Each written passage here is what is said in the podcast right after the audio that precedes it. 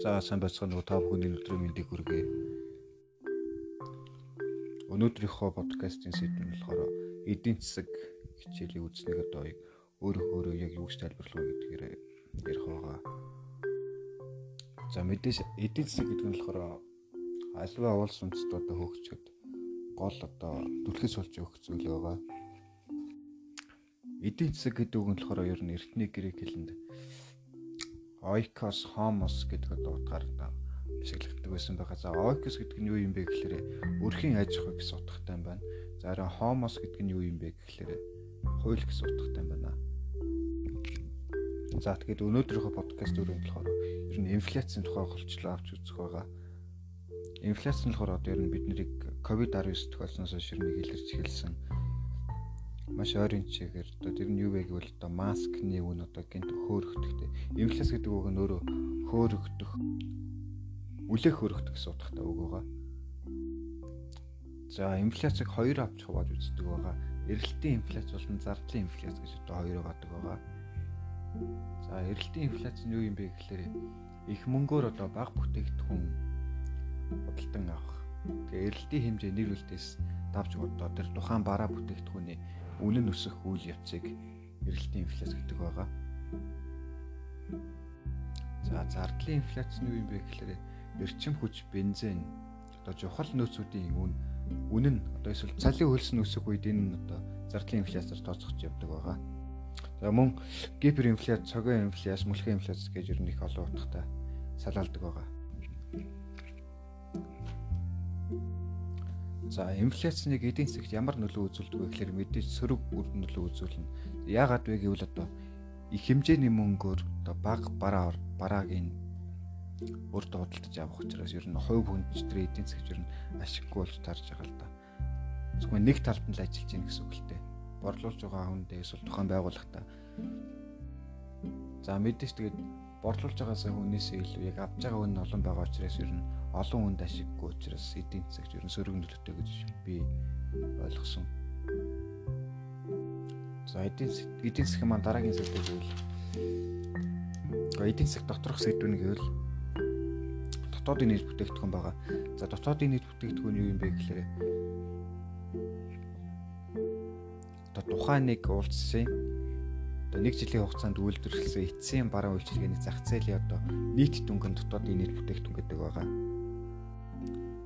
За дотоодын нийт бүтээгдэхүүнд бас задарч хоёр багтдаг байгаа. Нэгдүгээр нь юу юм бэ гэхээр бодит дотоодын нийт бүтээгдэхүүний өсөлт гэдэг нь байгаа. За бодит дотоодын нийт бүтээгдэхүүний өсөлт нь юу юм бэ гэхээр энэ одоо тухайн улсын эдийн засгийн чадварыг одоо хүчийг харуулдаг гэх юм уу? Тэгж ойлгож болно. За хоёр дахь нь болохоор нэг хүнд ногдох дотоодын нийт бүтээгдэхүүний өсөлт гэж байгаа. За энэ нь болохоор тухайн улсын одоо ард иргэдийн амжиргааны төвшин гэлтгэн гэсэн үг. Жишээл одоо доржийн гэр бүл одоо сард тэдэн төгрөгийн орлоготой тийм тийм гаднаас орлого орж ирдэг гэдэг чинь одоо тиймэрхүү хэрэг ярина гэсэн үг.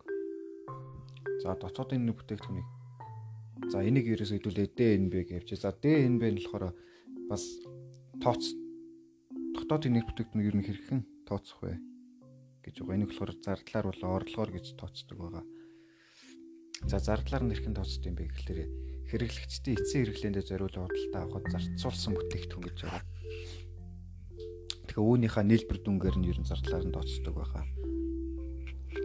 За орлогоор нь хэрхэн тооцох вэ гэвэл тухайн улсын хэмжээнд 1 жилийн турш үйлдвэрлэсэн баялагийг орлогын нийлбэр дүнгээр тодорхойлох аргыг ер нь орлогоор тооцох гэж нэрлэдэг байгаа.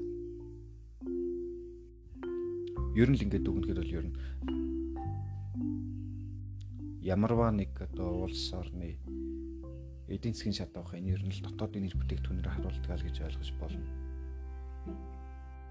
За бас нэмээд хэлэхэд дотоодын нэр бүтээгдэхүүний зардлаар тоос харахад нь болохоор эднэр байдаг байгаа. Өрх хэрэглээний зардал буюу C, аж ахуй нэгжийн зардал буюу I төрийн зардал буюу G гадаад хэрэглэгчийн зардал буюу X гэдгээр одоо томьёологдож одоо ойлголт нь бичигдсэн байдаг байгаа.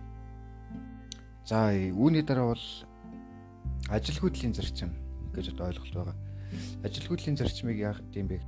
Дотор нь дөрвөн хувааж ангилдаг байгаа. Нэгт нь болохоор эдийн засгийн уналттай холбоотой үүс ажилгүйдэл одоо жишээлбэл яг ихэнд иржсэн шиг ковид 19 эхэлснээс хойш ингээ бараа үйлчилгээ гинт одоо зогсоод зах олон нийтийн төвөөр нь хаасан. Тэрийг тэрийг дээд дамжуулж болохоор худалдагч цаатлын одоо бараагаа борлуулж байгаа байгууллагууд нь ер нь ихэнхдээ шатсан гэсэн үг. Ийм хэрэглэр.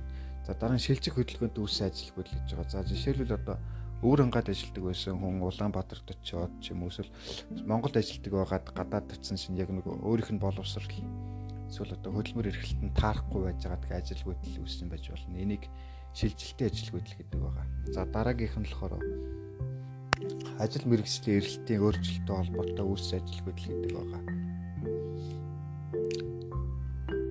За жишээлбэл одоо багшиг сургууль тамирын багшаар одоо өчнөө хүмүүс сурчдаг гэсэн байгаа. Тэгээ Монголд ер нь 2500 билүү тийм тамирын багшийн нөөц байгаа гэж ярьдаг юм байна лээ. За энийг болохоор бүтцэн ажилгүйд гэдэг байгаа.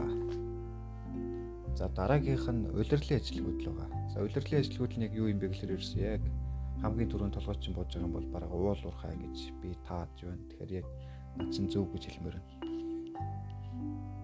уул урхан бол мэдээж зун ажиллаад өвлийн хүүтэнд газар угааталтай юм шүү дээ бас тийм ээ. Тэгэхээр нь энийг улирлын ажил бодол гэдэг байгаа. За тэгээд өнөөдрийн миний подкаст та нарын мэдлэг багц гэсэн нэмэр болсон гэж найдаж байна. Ингээд дараагийн подкаст дээр уулзцгаая.